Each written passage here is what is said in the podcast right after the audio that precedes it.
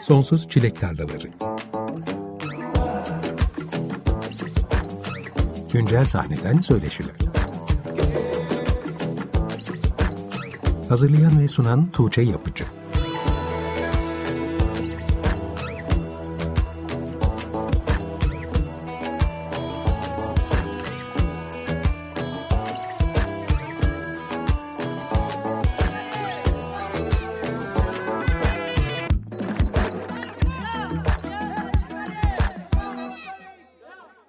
95.0 Açık Radyo'da Sonsuz Çilek Tarlaları programından herkese merhaba. Ben Tuğçe Yapıcı. Programın açılışını Mert Pekduraner'in 8 Temmuz'da yayınlanan ikinci stüdyo albümü Dialogues in the Dark'tan Between the Two Nights adlı parçayla yaptık.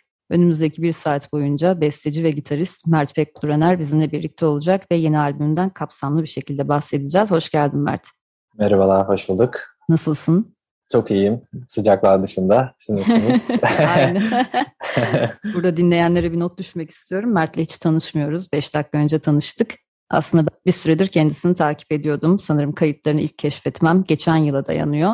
Yeni keşfettiğim sanatçıları konuk etmeden önce bir süre yakın takibi alıyorum. Biraz tanımaya çalışıyorum ki buluştuğumuz zaman ortaya daha iyi bir söyleşi çıkartabilelim. Mert'in ilk albümünü de çok severek dinlemiştim. Bu akşam dinleyeceğimiz ikinci albüm için de aynı hisleri taşıyorum. Ama kayıtlarını dinlemek dışında Mert'i yeterince tanıyamadığımı hissediyorum. O yüzden dedim ki belki de daha fazla beklemeden Mert'le buluşmalıyız. Böylece hem ben hem de Açık Radyo dinleyicileri Mert Pekduraner'i daha yakından tanıyabiliriz. Dialogues in the Dark senin ikinci stüdyo albümün Mert ve bu akşam albümün tüm parçalarını dinleyeceğiz. Yayınlanalı 5 hafta oldu. Dialogues in the Dark'ı bir konsept albüm olarak tanımlıyorsun. Konsepti biraz anlatmanı isteyeceğim ama işini kolaylaştırmak için belki şu şekilde sormak iyi olabilir. İlk dinlediğimiz parçanın ismi Between the Two Nights'tı. Hangi iki geceye referans veriyor bu parça ve bu iki gecenin arasında neler yaşanıyor? Öncelikle teşekkür ederim. Burada ağırlandığım için çok mutluyum bu güzel programda. Ben teşekkür ederim. Evet bir konsept albüm. Between the Two Nights neyi ifade ediyor dersek de iki gece arasında. Birinci gece bu evrene geldiğim geceyi, ikinci gece de buradan gideceğim geceyi temsil ediyor. Ve bunun arasındaki süreç de parçanın en ağır dinleyiciyle iletişim kurduğu yer. Diğer yandan da müzikal anlamda da her enstrümanın özellikle kanunun hikayenin en kritik yerlerini anlattığı bir parça. Kanun orada benim Mert'in Mert'le kalışını anlatıyor aslında bir noktada. O nedenle kanunu tek başına bırakıp onun konuştuğu bir alan yaratmıştım. Öncesinde ve sonrasında da daha böyle hard bir groove diyebileceğim, daha agresif soundlu bir çalım var. Yaylıların, elektrik gitarın, davulun, konturbasın. Ve en önemlisi işte hayat gibi yani çok ciddi bir soru cevap var. Kanunun gitarla soru sorup cevaplaştığı ya da birinin susup birinin cevaplaştığı bir iki gece arası ve o iki gece arasındaki çizgiyi anlatan bir hikaye. Böyle bir başlangıç hikayesi var albümün aslında. Albümdeki bütün parçalarda totalde bir hikayeye hizmet ediyor anladığım kadarıyla. Evet her birinin kendi hikayesi var ama bunların hepsi en sonunda bir bütüncül hikaye yaratıp Dialogues in Dark altında birleşiyorlar. Diğer bir noktası da hikayenin Silence of Flower'ın da bütün hikayenin kapanış noktası olması. O nedenle işte Spotify'a bilerek mi ben ikisini büyük harflerle yazmıştım. İşte yani Dialogues in Dark'la başlıyor büyük harf, diğerleri küçük harfle başlıyor, devam ediyor baş harfler hariç. Ardından Silence of Flower büyük harfle her şeyi kapatıyor. Yani aslında hikaye kapanıyor. Kapanan bir hikaye. Silence of Flower'da programın kapanışını dinleyeceğiz. Albümde kapanış parçası aynı zamanda hikayeyi tamamlamış olacağız aslında önümüzdeki bir saatin sonunda. Albümde perdeli, perdesiz gitarlar ve iyi bowlar senin imzanı taşıyor. Davulda Nihal Saruhanlı var. Nihal geçen hafta Bar grubuyla birlikte konuğum olmuştu. Senin albümünde de davullarda yine Nihal'i görüyoruz. Albümün geri kalanında benim çok tanımadığım isimler var. Belki sen biraz bahsetmek istersin künyede yer alan müzisyenlerden ve bu ekibin nasıl bir araya geldiğinden. Nihal'le biz uzun süredir çalıyoruz ve çok ciddi bir emek verdik birlikte. Bütün albüm, birinci albüm, ikinci albüm, gelecek albümler henüz yani şey yapamadığımız şu an dinleyicilerin daha sonradan duyacağı albümler. O yüzden Nihal çok büyük bir parçası bu işin. İlk Nihal mi eklendi bu projeye? Nihal'le biz başladık ve bayağı büyük bir emek vererek her parçayı Nihal'in stüdyosuna girip böyle saatlerce çalıyorduk. Ve nereye geldiğini düşündüğümüzde bazen birbirimize bakıp böyle sahnede falan da birbirimize bakıp biz ne yapıyoruz diyebiliyoruz yani. O yüzden çok özeldir. Çok iyi bir davulcu ve çok iyi bir müzisyen olmak dışında çok önemli bir yani çok çok önemli bir dostum yani kendisi ve çok şanslıyım onunla olduğum için. Aynı şekilde Apostolo Sideris de öyle. iki albümdür birlikte çalıyoruz. Konserde birlikte çalıyoruz. çok önemli bir müzisyen, harika bir insan Nihal gibi ve üçümüz aslında stüdyoya girip çalışa çalışa bir albüm yarattık gibi bir durum var. Yani böyle ben kompozisyonları alıp gidiyorum oraya. Herkes inanılmaz güzel fikirler yaratıyor ve deli gibi şeyler çıkartıyoruz. Çok mutlu oluyoruz yani. En kritik noktası da bu iş, bu ana çekirdek kadrodaki bu insanlarla çok güzel bir enerji var aramızda ve çalarken biz albümü kaydederken birbirimizin gözlerine bakıyoruz yani. Çünkü metronom kullanmıyoruz. Kullanmamayı tercih ediyorum ben hiçbir zaman. Çünkü bizim kendi metronomumuzun olduğunu düşünüyorum bu enerji içinde ve metronomsuz bir şekilde canlı albüm kaydediyoruz. İki albümdür. Birinciyi Pür'de kaydetmiştik, ikinciyi Miami'de kaydettik. Böyle bir ekip var. Bu albümde bize eşlik eden Göksun Çavdar var klarnetlerde.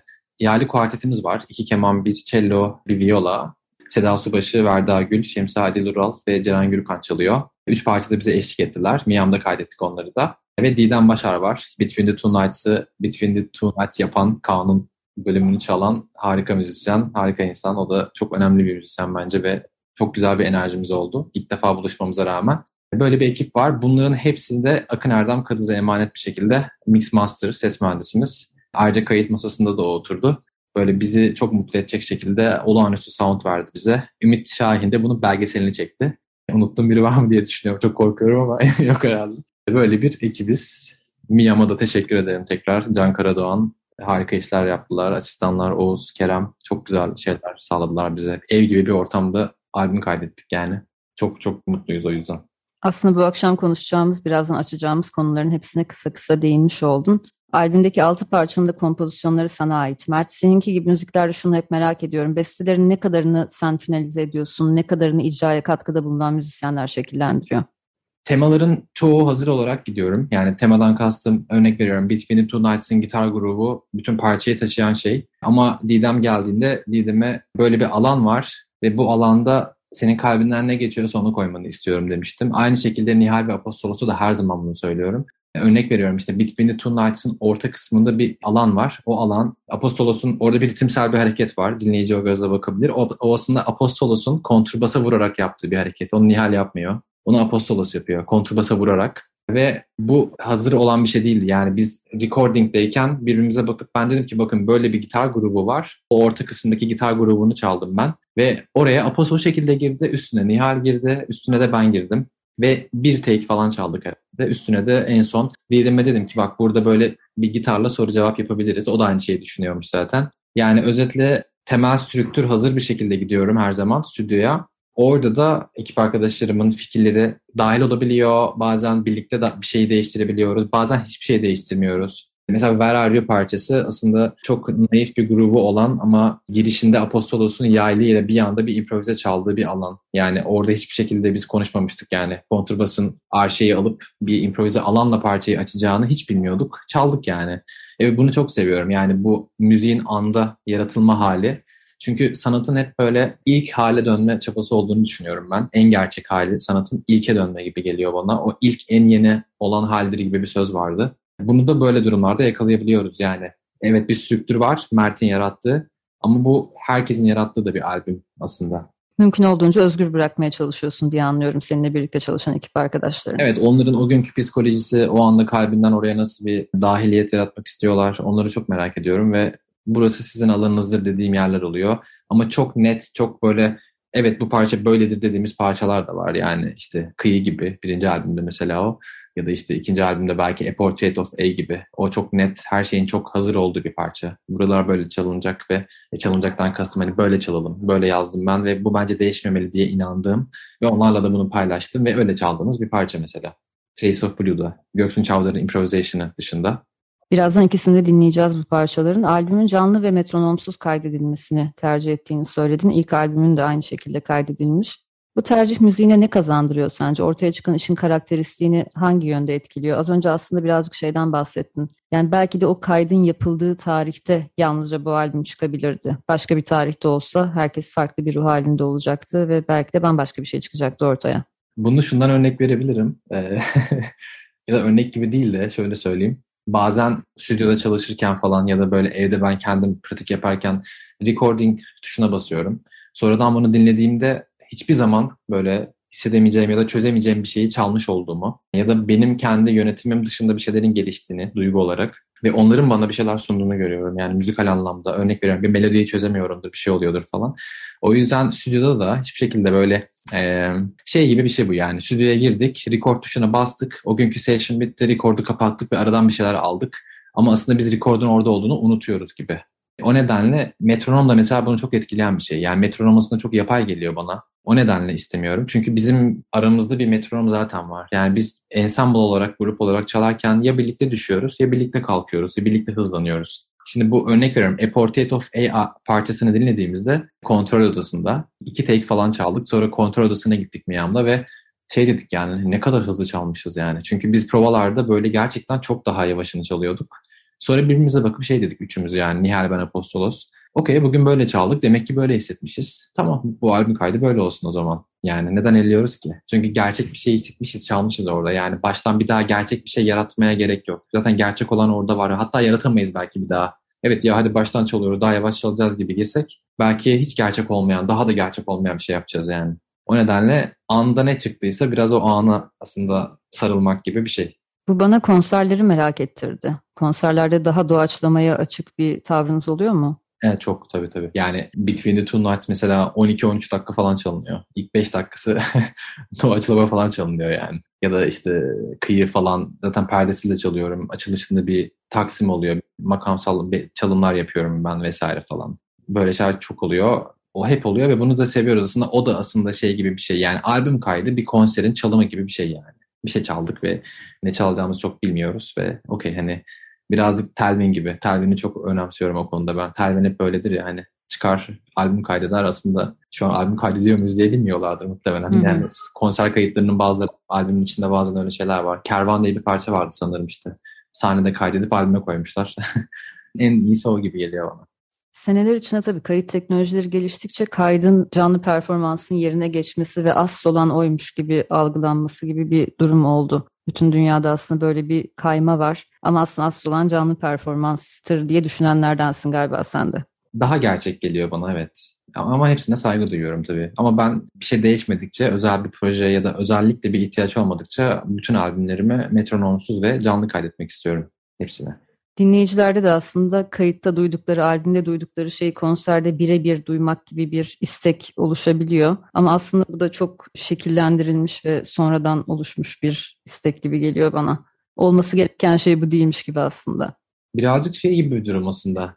Bir noktada şöyle değil mi zaten? Belki de yanlış düşünüyorumdur ama aynısını zaten duyuyorlar yani konserde. Hani işte bir parçanın melodisini, o akışını duyuyorsun. Belki aralara küçük improvizeler geliyordur ama illaki o gidiyordur ve senin albüm kaydında dinlediğin melodiye bir referans verecek hareketler ya da aynısı çalınıp parça kapanıyordur yani. Aslında dinleyici hem onu duyuyor hem de daha fazlasını duyuyor yani gibi geliyor bana.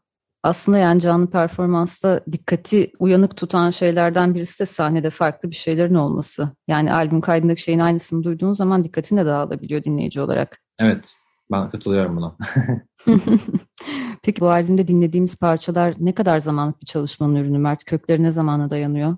Bu soru için Silence of Lover'dan başlayayım. O 10 yıllık bir parça. Hatta onu kaydetme planım yoktu. O ara denk gelen bir durumdan dolayı o parçayı kaydetme kararı aldım. Ve çok mutluyum bundan. Çok da güzel oldu. 10 yıllık bir parça ve o parçanın kaydına girerken akşam saat 8-9 falan da artık işimiz bitiyordu. Erdem'e dedim ki Erdem hani herkesin işi bitti. Herkes gitti ve Erdem ben rekorda giriyorum. İki tek falan çalacağım. Max hatta bir tek çalarım yani. Ve böyle şeyi hatırladım ben orada. 10 yıl önceki Mert nasıl bir müzisyendi ve nasıl bir gitaristi? Nasıl bir gitarcıydı? O zaman nasıl çalıyordu? Gibi çalmaya çalıştım birazcık o parçayı. Sonra da çıktım yani. O parçadan başlamak isteme nedenim bu. Çünkü onun bence geçmiş çok uzun yani 10-11 yıllık bir parça. Sadece o melodi vardı. Hep onu çalıyordum. Zaten o, o kadarını çaldım çok kısa. Ve çok şaşırdım yani bu arada. Herkes onunla ilgili bir şey yazıyor bana. Çok mutluyum o yüzden. Demek ki ulaşmış herhalde. Olgunlaşmasına da zaman tanımışsın parçanın aslında. Evet 10 yıllık bir pişme süresi. Her parçaya bunu yapar. Hayatım boyunca 5 parça daha çıkartırım herhalde. evet mümkün olmaz ama. evet. Ee, diğerleri yani Between the Two Nights, A Portrait of A, Trace of Blue, The Where Are You? Bu parçalar aslında biz son 7-8 ayda çaldığımız konserlerde zaten çalıyorduk bu arada. Yani insanlara da söylüyorduk. Yani bu işte bu ikinci albüm kaydedeceğiz yakında. İşte Bova'da çaldık, İKSV'de çaldık, orada burada Yel Değirmeni'nde hepsinde çaldık bunları kilise konserinde falan. Gelenler biliyorlar zaten ama dediğim gibi o, o formlar birazcık değişti. Bunların oluşması sanıyorum işte ilk albümün ardından yani ilk albüm çıkalı bir yıl oldu. Ondan bir 3-4 ay sonra desek sanıyorum bir 8-9 ayın ürünü Silence of Flower dışında gibi bir durum var. Diğerleri son dönem ürünlerin aslında evet. Evet yani Silence of Flower 10 yıl ama albüm kaydından bir gün önce gibi düşünebiliriz. Yani bir gün önce çıkmış gibi düşünebiliriz. Çünkü çıkmayacaktı. Yani aslında onun yerinde başka bir parça vardı. Onu ben kenara attım. Aslında 10 yıl artı bir gün, albüm önceki bir gün gibi bir şey. Son dakika değişikliğiyle albüme girmiş. Şimdi o zaman albümden iki parça daha dinleyelim. Albümdeki sıraya göre gidiyoruz bu akşam. Albümün ikinci ve üçüncü parçalarını dinleyeceğiz. İlki A Portrait of A, ikincisi de Traces of Blue. A Portrait of E gibi düşünmüştüm hep. Sanki böyle tamamlanması dinleyiciye bırakılan bir şarkı ismiymiş gibi ama sen A diye telaffuz ediyorsun. Neye referans veriyor A? Ee, aslında o çok sevdiğim bir filmin çok büyük bir etkisi bende. A Portrait of a Lady on a Fire. Hatta The Portrait of a Lady de olabilir emin değilim. Ama her neyse sonuç olarak o bana çok dokundu. Oradaki o kelime oyununu çok sevmiştim. Ve aslında orada şey var yani A Portrait of A. A aslında çok çok büyük bir kelime. Hala çok büyük bir harf yani A harfi. Çok şeye doldurabiliriz orayı. O yüzden böyle bir kelime oyunu var. Herkesin aslında kendine göre koyabildiği bir yer. Ama zaten bu albüm hikayesinde işte iki gece arasında başlayıp herkesin kendine oluşturduğu bir portre var hayatta dediğim kısmı karşılayan ikinci parça Portrait of A. Herkes kendi portresini yaratıyor hayatta. Bundan dolayı da zaten biraz açık uçlu bırakmam gerekiyordu orayı. Ve A Portrait of A dedim. Herkes kendine göre bir şey koysun oraya diye. Öyle bir şey aslında. O zaman şimdi Mert Bekdürener'in Dialogues in the Dark albümünden ilk önce A Portrait of A ardından da Traces of Blue dinleyeceğiz. Hemen ardından kendisiyle sohbetimize kaldığımız yerden devam edeceğiz. Açık Radyo'da Sonsuz Çilek Tarlaları programı devam ediyor. Bu akşam konuğum Mert Bekdürener kendisinin Dialogues in the Dark adlı yeni albümünden İki parça birbiri ardına dinledik. İlki A Portrait of A, ikincisi de Traces of Blue adlı parçalardı.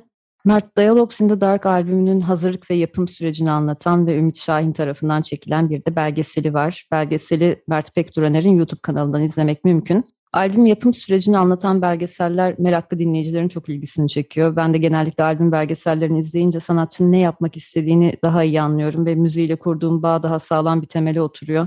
Bu tür bir dokümantasyon senin için ne ifade ediyordu? Bu belgeselli dinleyicilerine tam olarak ifade etmek istediğin şey neydi? Öncelikle teşekkür ederim bunu sorduğunuz için.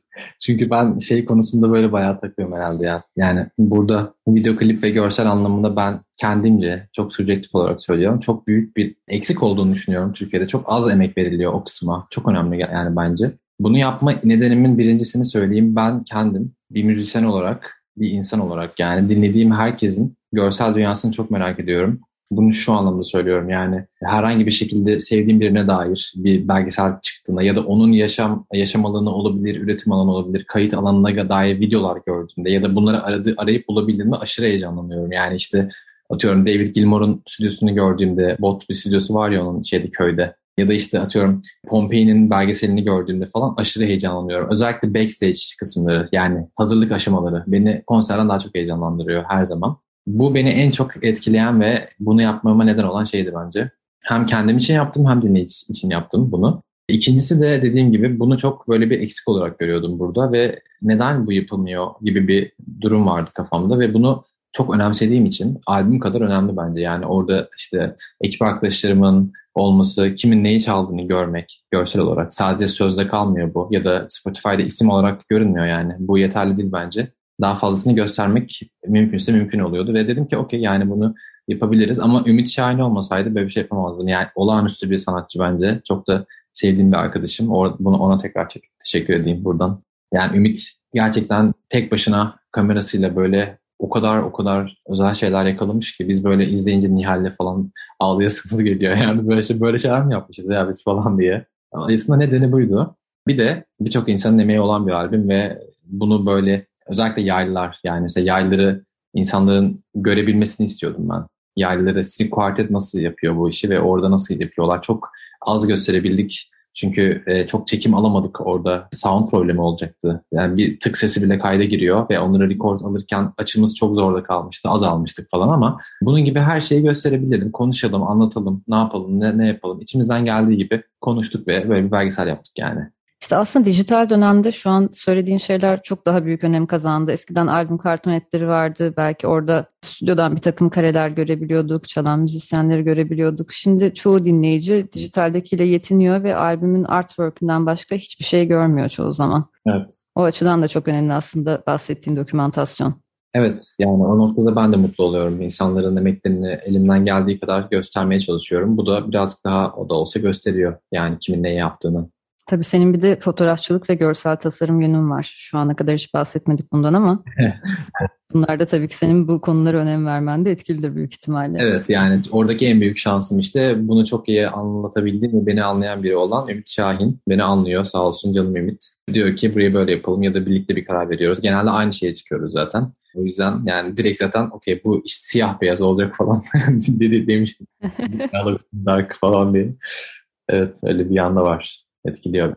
Siyah beyaz olması da tabii önemli bir tercih. Evet. Ben sinemada da çok severim. Hatta sanki bütün filmler siyah beyaz olsa daha mı iyi olur diye de bir düşünce var aklımda. Birazcık bizi depresyona sokar mı bilmiyorum ama önemli değil. Öyle girelim bari. yani renkleri de seviyorum ama ışık kullanımı özellikle siyah beyazda en iyi şekilde görülebiliyor bence. Ya bence bütün sinema siyah beyaz olsun da Kieslowski olmasın. O devam. O kendi renklerini versin bize. Özellikle seviyorsun galiba. Yani ben Kieslowski aşığıyım. Çok fena. Ama en büyük etkisi tabii onun şey birazcık e, işte Preisner. Onun bütün müziklerini besteleyen kişi. Preisner olağanüstü bir besteci. Hatta çok örnek aldım ve çok çok örnek aldım birisi. Etkilendiğim birisi. Onun gibi müzikler yapmayı çok istiyorum yani ileride. O yüzden ikisinin bir araya gelmesi benim, ben hep kendi açımdan hep şey diyorum. Yani sinemanın çok büyük bir şansı. Kieslowski ve Preisner'in bir araya gelmesi. İzleyici için çok büyük bir şans. Çok şanslıyız yani. Film müziği alanında çalıştın mı hiç Mert? Ya da öyle bir hayalin var mı? Var yani bayağı film müziği kompoz etmeyi çok istiyorum ben. Birkaç bir iş olmuştu zamanında yaptığımız. Görsel bir proje yaptım aslında Venedik Bienali'ne. Türkiye'den bir proje kabul almıştı ve beni yani o ekipteki iki kişi beni tanıyordu. Hem müzik hem mimarlık yanımdan. Ve onlar da hem mimar olan hem müzisyen olan ve iki disiplinden bakabilen birini arıyorlardı. Geçen seneki Bienal'de Haşim Serkis'in küratör olduğu oraya giden bir proje var. Enstalasyon projesi. Onun tanıtım alanına, tanıtım filmine, görseline, projenin temsiliyeti gibi bir soundtrack aranıyordu Bienal tarafından. Onlar da bana gelmişlerdi ve oraya bir müzik kompoz etmiştim. Aslında bu kıyı, ilk albümdeki kıyının da ilki ve Venice Biennale main team olarak geçiyor Spotify'da. 45-50 saniyelik bir parça. O mesela bir görsel bir iş. Ama film için de birkaç bir şey olmuştu. Daha sonra bir anlaşamamazlık oldu falan. Olmadı ama olacak gibi hissediyorum inşallah. Belki Kieslowski biraz geri gidip beni arar bir gün mezarından. Kıyı senin yayınladığın ilk kayıtlı parçan da sanırım. Dijital platformlarda öyle görünüyor en azından. Sonra daha uzun bir versiyonda tabii ki senin ilk albümünde yer alıyordu. Hem bu enstalasyondan hem de bu proje için müzik besteleme deneyiminden biraz daha bahsetmek ister misin? Ben merak ediyorum işin iç yüzünü görselle nasıl bağdaştırdığıma dair mi müziğimi? Öyle öyle bahsedeyim mi mesela şey gibi evet, yani. Evet mimari bir enstalasyon değil mi? Enstalasyon evet. Enstalasyon mimariden ziyade aslında mekansaldı. Yani Venedik Bienalinde Arsenale Pavilyonu'nun denize bakan tarafında Side by Side adında bir proje. Deniz ve insan ilişkisini anlatıyordu. Böyle bir tribün gibi bir yapı var ahşaptan yapılan ve orada insanlar oturup aslında bir denize bakmaya teşvik ediyor insanı ve konumlandığı nokta çok güzeldi. Tam dönüşteydi. Arsenal bölümünde. E böyle olunca insanlar durup aslında hep yürümüyor. İstanbul gibi yani biz İstanbul'da hep yürüyüp denizi göremiyoruz ve durup durup bir denize bakmıyoruz ya. Onun gibi bir şey. İnsan da bunu bir durup bakalım, oturalım ya bir denizi görelim. Bir Venedik'teki suya bakalım gibi bir algı yaratmak isteyen bir projeydi ve çok güzeldi. Herkes gelip oturuyordu oraya. Ben de Kasım ayında gitmiştim. Sehan Tümertekin, Hayriye Sözen gibi çok iyi mimarlar, Hakan Tüzün Şengün var içinde. Çok güzel bir ekiple çalışmış oldum. Çok da güzel oldu yani. Çok da mutluyum. Umarım daha da olur. Kıyı senin öncesinde üzerine çalıştığın bir parça mıydı peki? O çok böyle ince bir çizgi. Yani aslında onlar beni aradığında ben kıyı evde çalışıyordum. Böyle bir öyle bir çalışırken gelen bir groove'du. Bana girişte çaldığım, fretless'e çaldığım şey. Ona tema. Sonra onlar böyle bir şey isteyince ben iki tane şey, bir başka bir parça kaydetmiştim. Daha böyle midi ile tuşluyla çaldığım bir şey, gitarla çalmamıştım. Onu yolladıktan sonra onu çok iyi eşleştiremedik. Onlar da ben de. Sonra böyle bir şey var diye onlara bunu attım. Aslında böyle onun teşviğiyle çıkan ve ama bende de olan bir şeydi. Böyle yer, yani arada derede bir şey. Karıştı ve oraya gitti gibi. Daha sonra devam eden o kıyının gerçek hali, uzun hali benim üstüne çalıştığım ve diğer melodilerini yazdığım aslında devamındaki. Yani kıyının bütünü o gibi. Ana temayı Venedik'te duyabiliyoruz. Bir yandan senin kayıtlı üretimlerini yayınlama konusunda da teşvik etti mi bu çalışma? Çünkü arkasından albüm geldi. Şöyle zaten planda vardı çünkü pandemi döneminde ben kapanıp bayağı birinci albümü yapma kararı almıştım. Üstüne çalışıyordum. Spotify sayfamı açmamda teşvik etti. Yani aslında Spotify sayfamı açmamda, artist page açmamda albüm bekliyordum ben. Ama bu, bu Spotify sayfamı açıp işte yavaş yavaş oraya aslında nasıl oluyor güncellemekte şudur buduru teşvik eden şey oldu. Ama albüm ar- arkada vardı. Başlıyordu yani başlamıştı. E, Gülleri elinde mesela aslında 7 yıllık bir parça o da.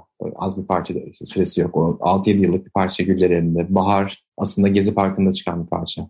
Peki Mert ilk albümün geriye ne kaldıya göre kıyasladığında, değerlendirdiğinde ikinci albümün Dialogues in the Dark'ta nasıl farklar görüyorsun? Belgeselde Apostolos ilk albüme göre daha rock bulduğunu söylemişti albümü. Hatta Adana Punk olarak nitelemiş müziğini. Evet. Herkes şu belgeselin özeti Adana Punk. Evet. sağ olsun canım benim.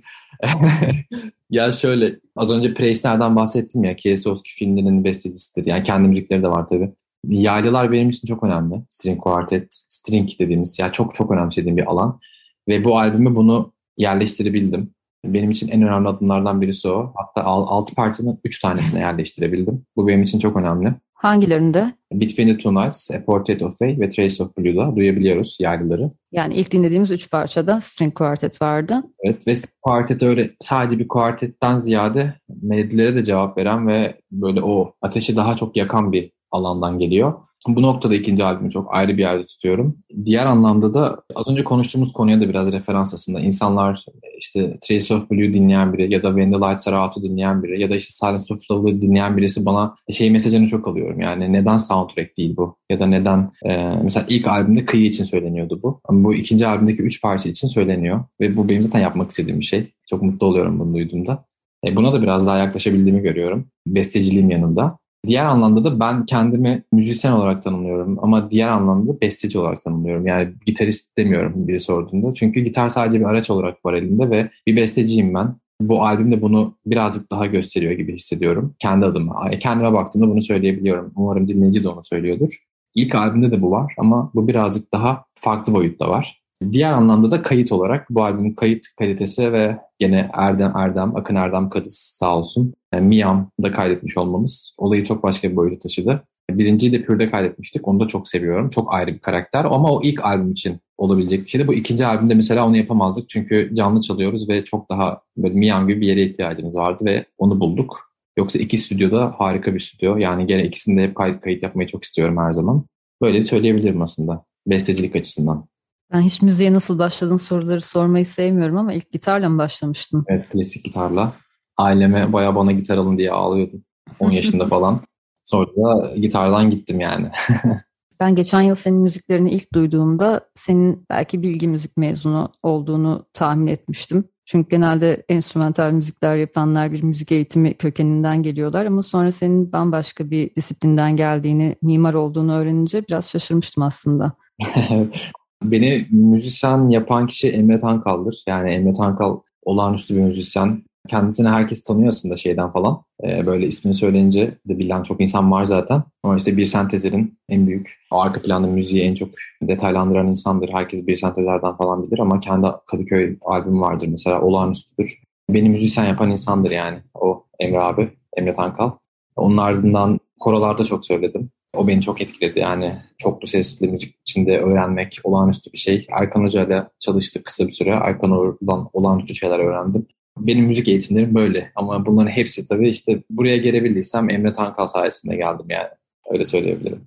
Basın bülteninde bir ifade dikkatimi çekti Mert. Kompozisyon dilindeki Doğu-Batı birlikteliği gibi bir ifade kullanmışsın. Doğu-Batı sentezi ifadesini kullanmak istememişsin herhalde diye anlıyorum. ya ondan artık çok korkarım ben. O çok tehlikeli yani. Bana şunu da söyleyeyim. Ben sanatta bir türe inanmıyorum herhangi bir alanda. Bana bir şekilde işte ne tür müzik yapıyorsun sorusu çok geliyor ve ben hiçbir cevap vermemeyi tercih ediyorum. Eğer çok sıkıştırılırsam ne yapıyorsun, ne tür yapıyorsun diye Anatolian Jazz diyorum. Ama o da değil. Bundan dolayı da Doğu Batı sensiz demiyorum. Yani hangi müziğin nereden çıktığına dair o kadar bilgili olmamama rağmen bilmiyorum bu arada yani etnomüzikolog değilim. Onlara sormak gerekiyor. O yüzden Doğu Batı sentezi demek yerine dünya müziği demeyi tercih ediyorum artık yani. Birazcık çünkü içeride yaylı da duyabiliyoruz, kanun da duyabiliyoruz. Birazcık daha jazz tınları da duyabiliyoruz ama A Portrait of Fame kapanışında gerçekten bir rock duyabiliyoruz mesela. Yani çok sert çaldığımız bir rock bölümü aslında A Portrait of Fame kapanış bölümü. O zaman ne diyeceğiz şimdi buna? Caz diyemeyiz yani. Dünya müziği diyelim. Her şeyden biraz olsun gibi bir durum var yani. Doğu Batı tabii ki var içinde. Mesela o Doğu Batı da var. Ama Doğu Batı sentezi demeli miyiz? Bunu etnomüzikologlarla umarım bir gün oturup ben de önerebilirim.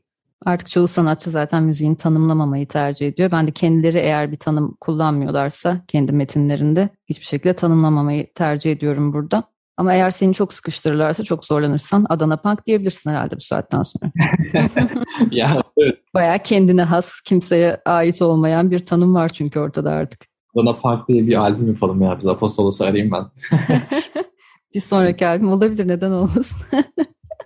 yani şimdi bu arada mesela müziğe baktığımızda da böyle ekibe de baktığımda mesela hepimiz böyle farklı yerlerdeniz aslında coğrafya olarak olağanüstü bir şey yaratıyor bu. Yani çok güzel bir kültür birlikteliği de yaratıyor. O yüzden de böyle çok şanslıyım yani bir noktada. Apostolos Yunanistan kökenli sanırım. Evet Apostolos Yunanistan kökenli ve çok çok iyi bir müzisyen. Yani nerede neyin olması gerektiğini çok iyi biliyor ve o kadar güzel katıyor ki yapması gereken ya da iş hissettiği şeyleri. Bir noktada tabii kültüründen de bir şeyler bulabiliyoruz orada. Benimki zaten belli Adana Punk yani. yani İzmir Punk. Böyle gidiyor. Programın sonuna yaklaşırken albümden iki parça daha dinleyelim. Where Are You ve When the Lights Are Out gelecek şimdi. Where Are You sorusu nasıl bu parçanın ismi oldu? Bunu birazcık geriden başlayayım. Dialogues in the Dark derken aslında ben şunu hayal ediyorum her zaman. Böyle bir evreni gördüğümüz bir yerde oturduğumuzu hayal edelim. Bütün evreni. Öyle bir şey mümkün değil tabii ama diyelim öyle bir yerde oturuyoruz ve yıldızlar arasında bir ışık üstünden ya da bir bilemediğimiz belki ısı, yani ısı üstünden de olabiliyor sanırım. Bir diyalog var onların arasında ya da oradaki ışıklar arasında bir diyalog var. Bu bir metafor yani ve onların arasındaki diyaloğu görebilmemiz için arka tarafın dark olması gerekiyor. Karanlık olması gerekiyor ki biz o diyaloğu görelim. Dialogues in Dark bunu anlatıyor. Bunun üstüne iki Between the Two Nights geliyor. iki gece arasında. Az önce de söyledim. Sonra A Portrait of A geliyor. İnsanın kendi yarattığı bir portre. Sonra Trace of Blue geliyor. Aslında o bir gün doğumudur. Yani ama gün doğumu neyi tasvir ediyor kafamızda? Bir şeyleri daha şeffaf göre, görebilmemizi sağlar ya. Hani karanlıkta göremeyiz ama gün doğduğunda görebiliriz. Ama bunun üstünde hala bir where sorusu var buradaki where are you aslında benim hayatımda her zaman soracağım ve sürekli where are you diyebileceğim, neredeyim, nasılım dediğim bir soru. Birazcık Oruç Araba etkisi de var. Çok sevdiğim bir felsefeci. Bunun ardına da işte When the Lights Are Out geliyor. Orası albüm hikayesinin işte bu evrene veda ettiğimiz kısım. ikinci gece. Yani ölüm de diyebiliriz. Bunun üstüne de Silence of Flowers. Öldükten sonra üstümüze doğacak bir tane çiçek. Ya da sessizce duracak bir çiçektir o. Ve albümü kapatan hikayedir. Where Are You bu hikayenin tam böyle dördüncü kısmına oturuyor. Böyle cevap verdim. Oldu mu? Uzun oldu ama. Bence müthiş oldu. Dinleyiciler için de bayağı netleşmiştir diye tahmin ediyorum albümün hikayesi. O zaman şimdi vakit kaybetmeden hemen Mert Bekdurener'in Dialogues in the Dark albümünden Where Are You ve When the Lights Are Out adlı parçalarını dinleyelim. Sonrasında programın kapanış bölümü için tekrar birlikte olacağız. Sonsuz Çilek Tarlaları programının son bölümündeyiz. Mert Bekdurener'in Dialogues in the Dark albümünü dinliyoruz bu akşam. Where Are You ve When the Lights Are Out adlı albümün dördüncü ve beşinci parçalarını dinledik. Mert bu akşamki konuğum. Mert bu noktada artık programı kapatacağız ama konserlerden bahsedelim istiyorum. Ve şunu merak ediyorum. Sahneye kaç kişilik bir ekiple taşıyorsunuz müziğini? Albüm gibi olmasını çok istiyoruz ama işte Beşiktaş ilk konserinde yaylılar ve biz dahil ana kadro 4 kişi ve bize eşlik eden 3 yaylı arkadaşımız eşlik etti. 7 kişiydik. 3 parçada diğerlerine 4 kişiydik. Nihal davulları çalıyordu. Muaz Yaylı tambur çalıyordu. Eren basları çalıyordu. Ben de gitarları çalıyordum. Kaşcaz Festivali'nde 5 kişi olacağız. Yine davullarda Nihal olacak, Eren Bassı olacak. Ben gene gitarlardayım. Emine İstanbul Kemençesi çalıyor ve Yakup diye bir arkadaşımız da perküsyon çalacak. Aslında bu noktada şeyi çok seviyorum ben. Temel bir kadro var ve o kadroyla devam ediyoruz. Ama yapabildiğimiz yerlerde örnek veriyorum. Yaylıları koyabilmeyi çok istiyorum, çok seviyorum. Çünkü bundan sonraki konserde göreceğiz onu nasıl olacak vesaire diye. Ama her konser için mümkün olmayacak herhalde bu. Yani değişmeyen kadro olarak davul bas, gitarlar ve İstanbul kemençesi ya da yerli tambur oluyor. O bizim ana kadromuz. Çünkü melodileri onları o çalıyor. Ben background, backgroundları çalıyorum. Nihal ve bas, kontrbas ya da elektrik bas zaten en önemli şeyler her zaman. 4-5 kişilik bir ekip her zaman sabit olacak bir kadro. 11 Ağustos'ta İF Beşiktaş'ta albüm lansman konseri gerçekleşti. 27 Ağustos'ta da Kaş Caz Festivali kapsamında Mert Pekdurener'i dinleyebilirsiniz. Belki tatilde oralarda olursunuz ya da oralarda yaşayanlardan şu an bizi dinleyenler bence kaçırmasınlar. Sonrası için konfirme olmuş başka tarihler var mı Mert? Şu an bir böyle ara dönem geçireceğim bana dönemde çünkü dünya müziği üstüne çalışmak için Amsterdam'a taşınıyorum. Birazcık böyle bir sallantılı dönem ama konuşulan bir 3-4 konser daha var İstanbul'da orası için. Evet belki oralarda olur konserler artık. Evet belli oldukça Instagram üstünden açıklıyorum ben. Daha önce de çaldınız galiba bir kere. Evet Rotterdam'da. 12 Mart'ta Rotterdam'da çaldık. Orada bir trio şeklinde çaldık. Yine işte ilk albüm ve ikinci albüm. İkinci albüm çıkmamıştı daha mesela orada çaldığımızda. Şu anda çalacağımız konserlerde benim yeni yazdığım kompozisyonların da bir ikisini çalıyoruz aslında. Bunu seviyorum yani biraz böyle oradaki dinleyici gelecek parçaları da duyuyor. O güzel bir şey oluyor bence. Mert sanki sen biraz beklemişsin kayıtlarını yayınlamak için ama bundan sonra o kadar beklemeyeceksin gibi hissediyorum. O konuda ben çok korkuyorum ya. Neden? bazen, bazen şey diyorum kendime acaba bir daha müzik yazacağım ne zaman yazarım yani müzik nasıl kompoz ederim nasıl bir şey kompoz ederim çok tekrarlamam değil mi kendimi ya falan gibi korkularım var. Ee, ama işte 2021'de bir albüm 2022'de bir albüm oldu. Bunlar bazı parçalar uzun yıllar bekleyen parçalardı. Bazıları gerçekten kaydetmeden 3 önce çıkan kompozisyonlardı. Eylül'de kaydedeceğim ama Ekim'de çıkarmayı düşündüğüm bir üç parçalık sadece fretless gitar ve vokal yaptım.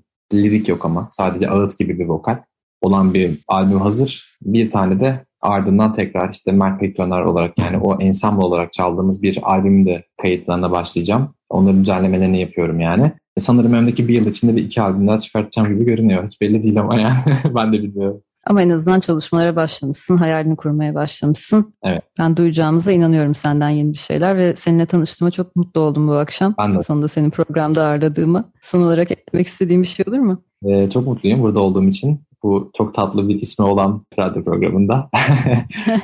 Umarım tekrar denk geliriz. Çok güzel sorular için de çok teşekkür ederim. Dinleyenlere de çok teşekkür ediyorum. Konserlerde ve kulaklıklarımızda buluşmak dileğiyle herkese. Ben çok teşekkür ederim Mert. Az önce konuştuğumuz çok tatlı bir hikaye var. Onu da şimdi dinleyenlere söylemeden geçemeyeceğim. Mert kendisine çok tatlı çilekli bir bileklik almış. Ve hemen sonrasında da ben kendisini programa davet etmek için yazmışım. Evet. Güzel bir tesadüf oldu. Bu akşam birlikte olduk burada. evet, güzel oldu. Bu haftalıkta Sonsuz Çilek Tarlalarının sonuna geldik. Bu akşam besteci ve gitarist Mert Pekduraner'in ikinci albümü Dialogues in the Dark'ı konuştuk. Açık Radyo dinleyicilerinin sevebileceğini düşündüğüm bir albüm olduğu için bu akşam sizlerle buluşturmak istedim. Programın kapanışını albümden Silence of Flower adlı parçayla yapacağız. Gelecek pazartesi saat 20'de görüşünceye kadar hoşçakalın.